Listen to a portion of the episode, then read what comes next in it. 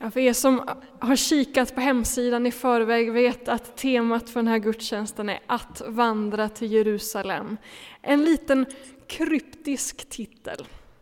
Men du som var här i tisdags på böneskolan, är ju så att varannan tisdag här i kyrkan så håller jag ett litet föredrag om bön och i tisdags så handlar det om fastan.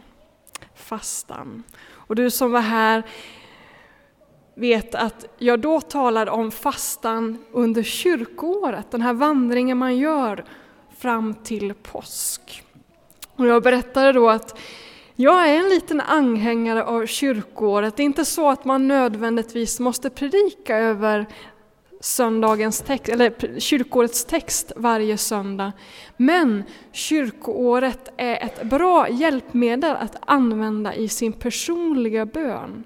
Åtminstone den första delen av kyrkoåret, från advent till pingst, kan man få göra till sin lärjungavandring, en lärjungaskola, en vandring med Jesus.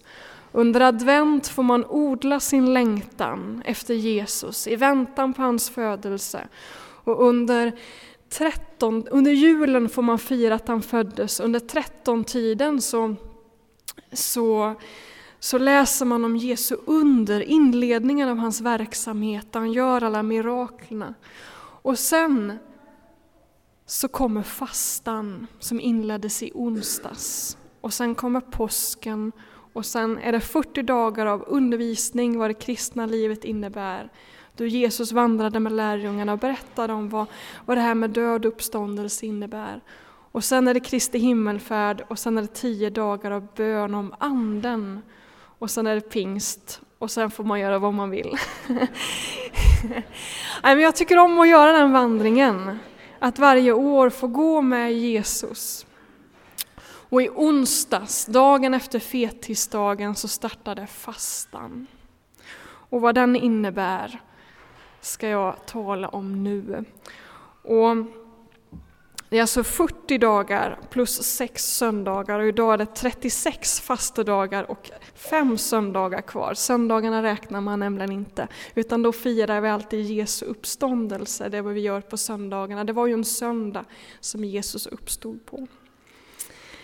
Men vi ska läsa en text som berättar om hur det gick till när lärjungarna och Jesus började denna vandring upp till Jerusalem. Och det, den här texten handlar om vad, vad den här perioden fram till påsk handlar om. Och det är från Matteus evangeliet kapitel 16. En fantastisk text som jag tar chansen att predika över idag. Och vi börjar i vers 13. När Jesus kom till området kring Caesarea Filippi frågade han sina lärjungar vem säger människorna, människorna, människorna att Människosonen är? De svarade Somliga säger Johannes döparen, men andra säger Elia och andra Jeremia eller någon annan profet. Och ni frågade han, vem säger ni att jag är? Och Simon Petrus svarade, Du är Messias, den levande Gudens son. Då sa Jesus till honom, Salig är du, Simon Barjona, till ingen av kött och blod har uppenbarat detta för dig, utan min fader i himlen. Och jag säger dig att du är Petrus, klippan, och på den klippa ska jag bygga min kyrka, och dödsrikets portar ska aldrig få makt över den. Jag ska ge dig nycklarna till himmelriket. Allt du binder på jorden ska vara bundet i himlen, och allt du löser på jorden ska vara löst i himlen. Sedan förbjöd han lärjungarna att tala om för någon att han var Messias.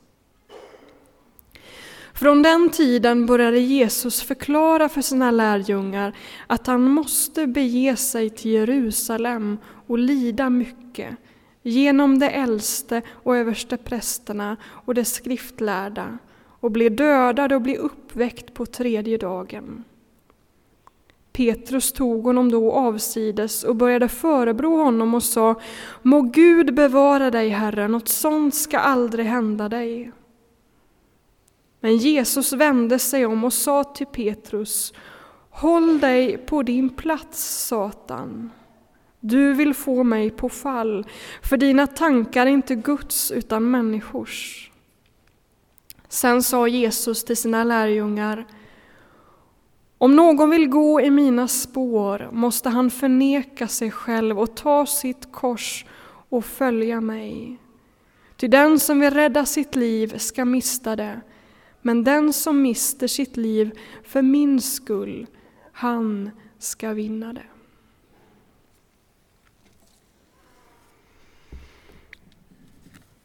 Det här är en central och stark text.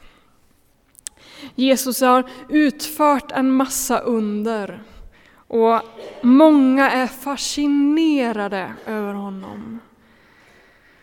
Och Jesus frågar sina lärjungar, vem säger folket att jag är? Vem tror de att jag är? Och då berättar de att många tror att Jesus är någon slags profet. Och så frågar Jesus, ja men vem tror ni att jag är? Vem tror ni att jag är? Och så tar Petrus till orda och säger, du är Messias, den levande Gudens son. Och så säger Jesus, salig är du Simon Barjona, till ingen av kött och blod har uppenbarat detta för dig, utan min fader i himlen. Det är Fadern som har uppenbarat uppenbarat för lärjungarna att Jesus är Messias, frälsaren, Guds son. Och så utnämner Jesus Petrus till att vara ledare för kyrkan. Och sen säger han något intressant. Han säger, det står i evangeliet, från den tiden började Jesus förklara för sina lärjungar att han måste bege sig till Jerusalem och lida mycket genom de äldste och överste prästerna och de skriftlärda och bli dödad och bli uppväckt på tredje dagen. Detta har han inte nämnt tidigare. Jesus har gjort en massa saker. Han har botat sjuka, han har drivit ut demoner, han har undervisat i timtal, men aldrig har han nämnt om korset. Och vad det innebär för lärjungarna. Men nu händer någonting. Nu när lärjungarna har förstått att Jesus är Guds son, genom alla de här miraklerna som de har fått vara med om. Nu när de har blivit förvissade om detta, då byter Jesus spår och börjar tala om korset. Och det är skiftet mellan trettontiden och fastan. Jesus byter spår. Och vad händer då? Vad händer då när Jesus byter spår? Jo, Jesus, han som nyss har blivit utnämnd till ledare för kyrkan, han ser som sin uppgift att ta Jesus avsides och tillrättavisa honom. Han säger Må Gud bevara dig, Herre. Något sånt ska aldrig hända dig. Det är väldigt tydligt i både Matteus, Markus och Lukas att lärjungarna tror att det som väntar i Jerusalem, det är ära, det är härlighet och det är stora segrar.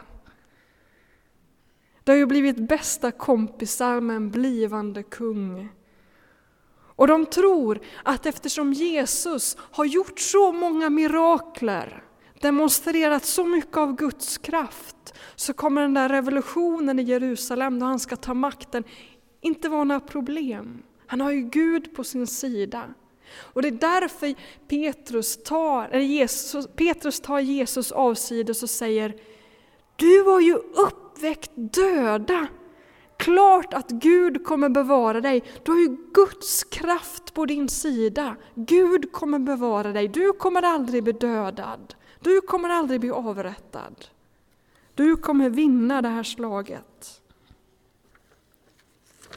Och så kommer denna märkliga scen då Jesus blickar in i Petrus ögon. och säger, och nu väljer jag en bättre översättning som ligger närmare grundtexten. Jesus säger Gå bakom mig, Satan. Du är en stötesten för mig. Dina tankar är inte Guds utan människors. Han som var klippan på den som Kristus skulle bygga kyrkan på. Det är det Jesus precis har sagt, du är klippan. Och nu får han höra, du är en stötesten för mig Petrus. Han som tidigare hade fått vara med om gudomliga uppenbarelser, det är också vad Jesus säger. Salig du Simon Barjona, detta har Gud uppenbarat för dig vem jag är. Nu säger han, dina tankar är inte Guds utan människors. Och så nämner han till och med ordet Satan. En sån skarp tillrättavisning. Varför säger han så? Varför nämner han namnet Satan när han talar med Petrus? En annan viktig text under den här fasteperioden och varför man fastar i 40 dagar är Jesu fasta i öknen som han gjorde i 40 dagar. Då anden drev honom ut i öknen och där han sattes på prov av Satan. Och då ber Satan Jesus att göra två saker bland annat. Det ena är att förvandla stenar till bröd och det andra är att kasta sig ner från en hög mur. Satan vill få Jesus att göra spektakulära saker bara för att.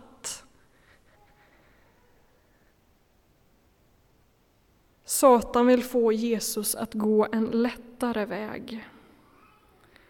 Så när Petrus säger Gud kommer bevara dig, det här kommer fixa sig, du har ju Guds kraft på din sida, så är det likt Satans ord. Ja, men om du är hungrig, varför inte förvandla stenar till bröd?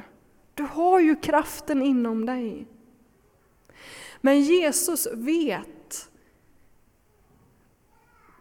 eller vill rättare sagt, bara göra mirakler på Faderns befallning. Han lever ett liv i lydnad. Och han vet att det är Gud själv som har fört honom in i denna fasteperiod. Det är Anden som har lett honom in i öknen. Därför kan han inte förvandla stenar till bröd. Han går på lydnadens väg, så när Satan ber honom göra det så säger han Människan lever inte bara av bröd utan av varje ord som utgår av Gud, ur Guds mun. Och det han egentligen menar här är att människan lever av Guds budord. Judarna säger inte de tio budorden utan de säger de tio orden. Jesus lever av lydnad. Han säger det i Johannes evangeliet. min mat är att göra Faderns vilja. Han lever av lydnad. Och nu vet Jesus att han måste gå till Jerusalem. Han säger inte att jag vill nu gå till Jerusalem och jag vill att ni följer med. Han säger att jag måste gå till Jerusalem. Jag måste, det är Faderns vilja.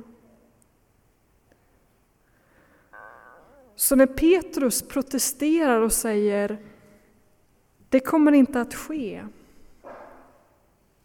så säger Jesus Gå bakom mig, Petrus. Gå bakom mig, följ mig. Du ska gå efter mig. Det är inte du som ska säga till vad jag ska göra. Det är Fadern som bestämmer vad jag ska göra. Och sen så undervisar han lärjungarna om vad det innebär att leva ett liv som lärjunge, att följa Jesus, att ta sitt kors och följa honom. Att förneka sig själv. Vad innebär det egentligen? Att ta sitt kors och följa Jesus. Under den här vandringen till Jerusalem så försöker Jesus gång på gång undervisa om korset, men lärjungarna lyssnar inte. Istället så ägnar de tiden, när de vandrar och går upp mot Jerusalem, åt att resonera om vem av dem som är den största. Vem det är som kommer få de finaste posterna i Jerusalem då Jesus tar makten, det är vad de diskuterar om istället för att lyssna på vad Jesus har att säga. Och Jesus försöker att tillrättavisa dem, men de lyssnar inte. Och till och med på skärtorsdagen, sista kvällen med gänget, då Jesus delar den sista måltiden med dem, då han instiftar nattvarden, då, den kvällen, bråkar de om vem av dem som är den största. Du kan läsa om det i Lukas 22. Till och med då, dagen innan han avrättas, så är det i deras tankar, så är det på deras läppar. Vem av oss är den största? De är så besatta av detta med framgång. Det enda som betyder någonting, det enda som ger dem ett värde, är framgång. Och Jesus försöker att frälsa dem ifrån detta. För detta är en satanisk kraft, en ondskans kraft. Att tro att det enda som ger mig ett värde, det är min framgång, det är mitt, min rikedom, det är mitt goda rykte. Det är en satanisk kraft. Och, vi, och Jesus vet att vi människor sitter fast i detta. Speciellt i vår kultur där image betyder allt. Där fasaden är så oerhört viktig. Det gäller att putsa. Att hela tiden övervaka, hur ser andra människor på mig? Vem är jag i andras ögon? I Lukas, då Jesus just delat brödet och vinet med dem, och då de har tvistat om vem av dem som är den största, så säger Jesus följande till Petrus, och jag älskar det här ordet. Jag har läst det förut i somras här i gudstjänsten. Lukas 22 kommer upp på väggen här. Vers 31 till 34. Simon, Simon, Satan har utverkat åt sig att få sålla er som vete. Men jag har bett för dig att din tro inte ska ta slut. Och när du en gång har vänt tillbaka, så styrk dina bröder. Simon sa, med dig, Herre, är jag beredd att gå både i fängelse och i döden. Han svarade, jag säger dig Petrus, tuppen ska inte gala i natt förrän du tre gånger har förnekat att du känner mig. Petrus, eller Simon som han också kallas, vill vara störst. Han kommer till och med gå i fängelse och i döden för Jesus skull. Han ska vara lärjungen nummer ett. Men Jesus vet att han kommer att falla som en sten. Och jag tror att Jesus låter Satan pröva Petrus för att han ska förstå att han är älskad ändå.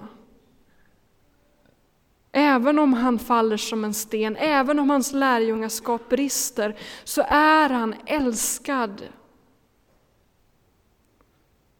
Petrus behöver falla för att kunna styrka sina bröder, för att kunna vara en ledare för kyrkan, för att kunna vara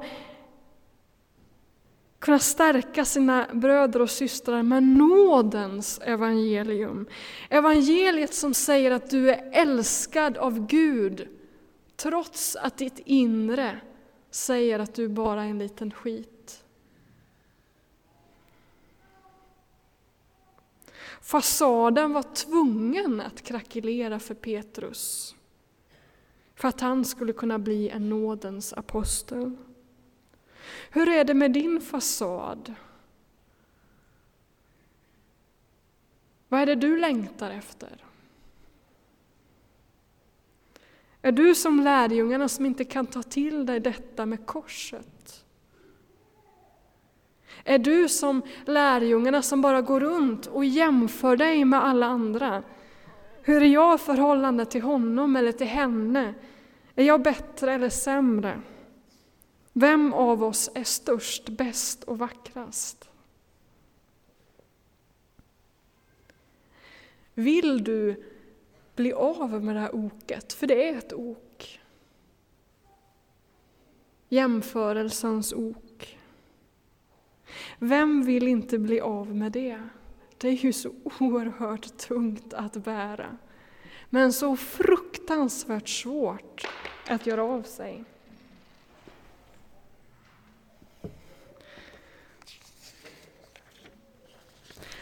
Fastan är en tid då vi ber om befrielse från detta ok.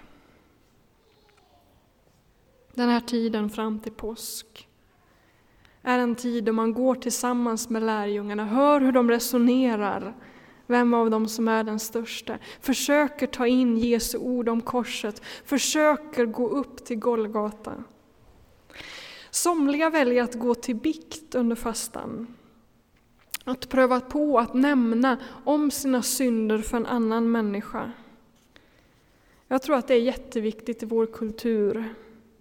Vår fasad måste få spricka för någon. Kanske inte för cellgruppen, men för någon människa.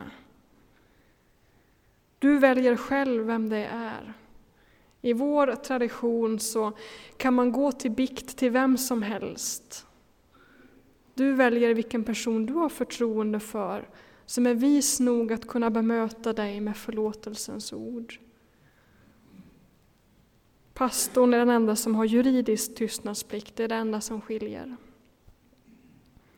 Somliga väljer att under fastan, den här perioden, läsa texter som handlar om just detta. Och i tisdag så delar jag ut den här bibelläsningsplanen, den här broschyren, och den ligger i en skokartong ute på informationsdisken. Somliga väljer att göra den här vandringen i sin egen bönekammare upp mot Jerusalem, läsa de här texterna och be om befrielse. Och somliga väljer att fasta Kanske inte från mat hela den här 40 dagars perioden, men i tisdags så talade jag om att man kan välja att fasta en dag i veckan, eller från ett mål just den dagen, eller från ett mål varje dag under den här fastan.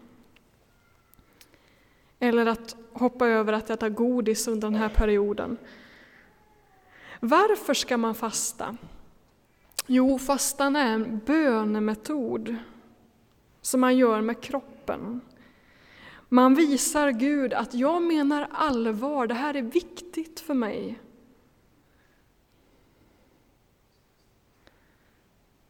Somliga säger att nej men jag fastar inte för jag, jag tänker bara på mat och jag tänker inte på Gud. Men då har du inte förstått vad det handlar om. Att fasta är en bön man gör med kroppen, inte med huvudet. Fasta är en slags omvändelsehandling. Bibeln talar om det på det sättet, i alla fall i GT. När man visar, jag vill verkligen omvända mig från det här. Hjälp du mig, befria mig, fräls mig från denna kraft. Om du har svårt att be med munnen eller med tanken, välj att fasta. Och låt den här tiden, och nu går jag till avslutningen av predikan, låt den här tiden fram till påsk vara en period då du försöker ta in detta med korset. Försöker förstå vad det ska vara bra för. Låt det här få bli en tid då du ber om befrielse från det som tynger dig. Den synd som ansätter dig. En tid då vi får be om befrielsen från oket att jämföra oss med varandra. Låt det bli din bön fram till påsken, så att du på påskdagens morgon kan blicka in i Jesu ögon och i djupet av ditt hjärta förstå att du är älskad som den du är. Att du har ditt värde i Gud, inte i din image, inte i andra människors ögon, tyckande och tänkande. Du är älskad och förlåten. Därför är det så oerhört viktigt att inte välja en för stor fasta. Om du nu skulle välja att fasta helt från mat hela den här perioden, då kanske du skulle tro att Jesus älskar dig bara för att du är så grymt bra på detta med fasta. Nej, välj någonting litet. Och I tisdags nämnde jag att man kan fasta från att ha gröt, äh, sylt på gröten fram till påsk. Och du kanske tycker det där var det löjligaste du har hört. Men det är ju det. Det är det som är nådens evangelium, att den som har tro stor som ett senapskorn, för den kan berg flyttas. Det räcker med en sån oerhört liten tro för att kraften från nådens evangelium ska kunna verka. Öppna ditt liv för Gud. Öppna ditt liv för, för Gud. Gör dig av med det här oket. Följ Jesus. Gå bakom mig, säger Jesus. Det säger han till oss idag med. Gå bakom mig, så kan du bli fri från detta ok. Oket att ständigt jämföra dig med andra. Följ mig, säger Jesus. Gå bakom mig upp till Jerusalem, upp till Golgata, in i graven och in i livet. Det är vad det handlar om. Låt oss be. Jesus, vi tackar dig för att du tar tag i oss och säger följ mig. Och tack för att vi får gå tillsammans med dig upp till Jerusalem, upp till korset, upp till påsken. Låt oss få blicka in i dina ögon och låt oss förstå att vi är högt älskade av dig. Högt älskade av dig. Låt oss få bli av med detta ok att ständigt jämföra oss med andra. Att ständigt gå och fundera på vem av oss är störst. Herre, låt oss bli, få bli av med den här sataniska kraften som finns över våra liv, denna ondskans makt. Och låt oss få finna kärleken. I Jesu namn. Amen. Nu ska vi sjunga några lovsånger tillsammans. Och du får be och sjunga där du sitter i din bänk. Men vill du be tillsammans med en förbedjare så finns det där under trappan. Eh, kan du gå. Också om någon förbedjare kan sätta sig vid orgen på den bänken där framme så vore det fint. Låt oss få ha en stund av bön och lovsång nu. Be att vi får blicka in i Jesu ögon.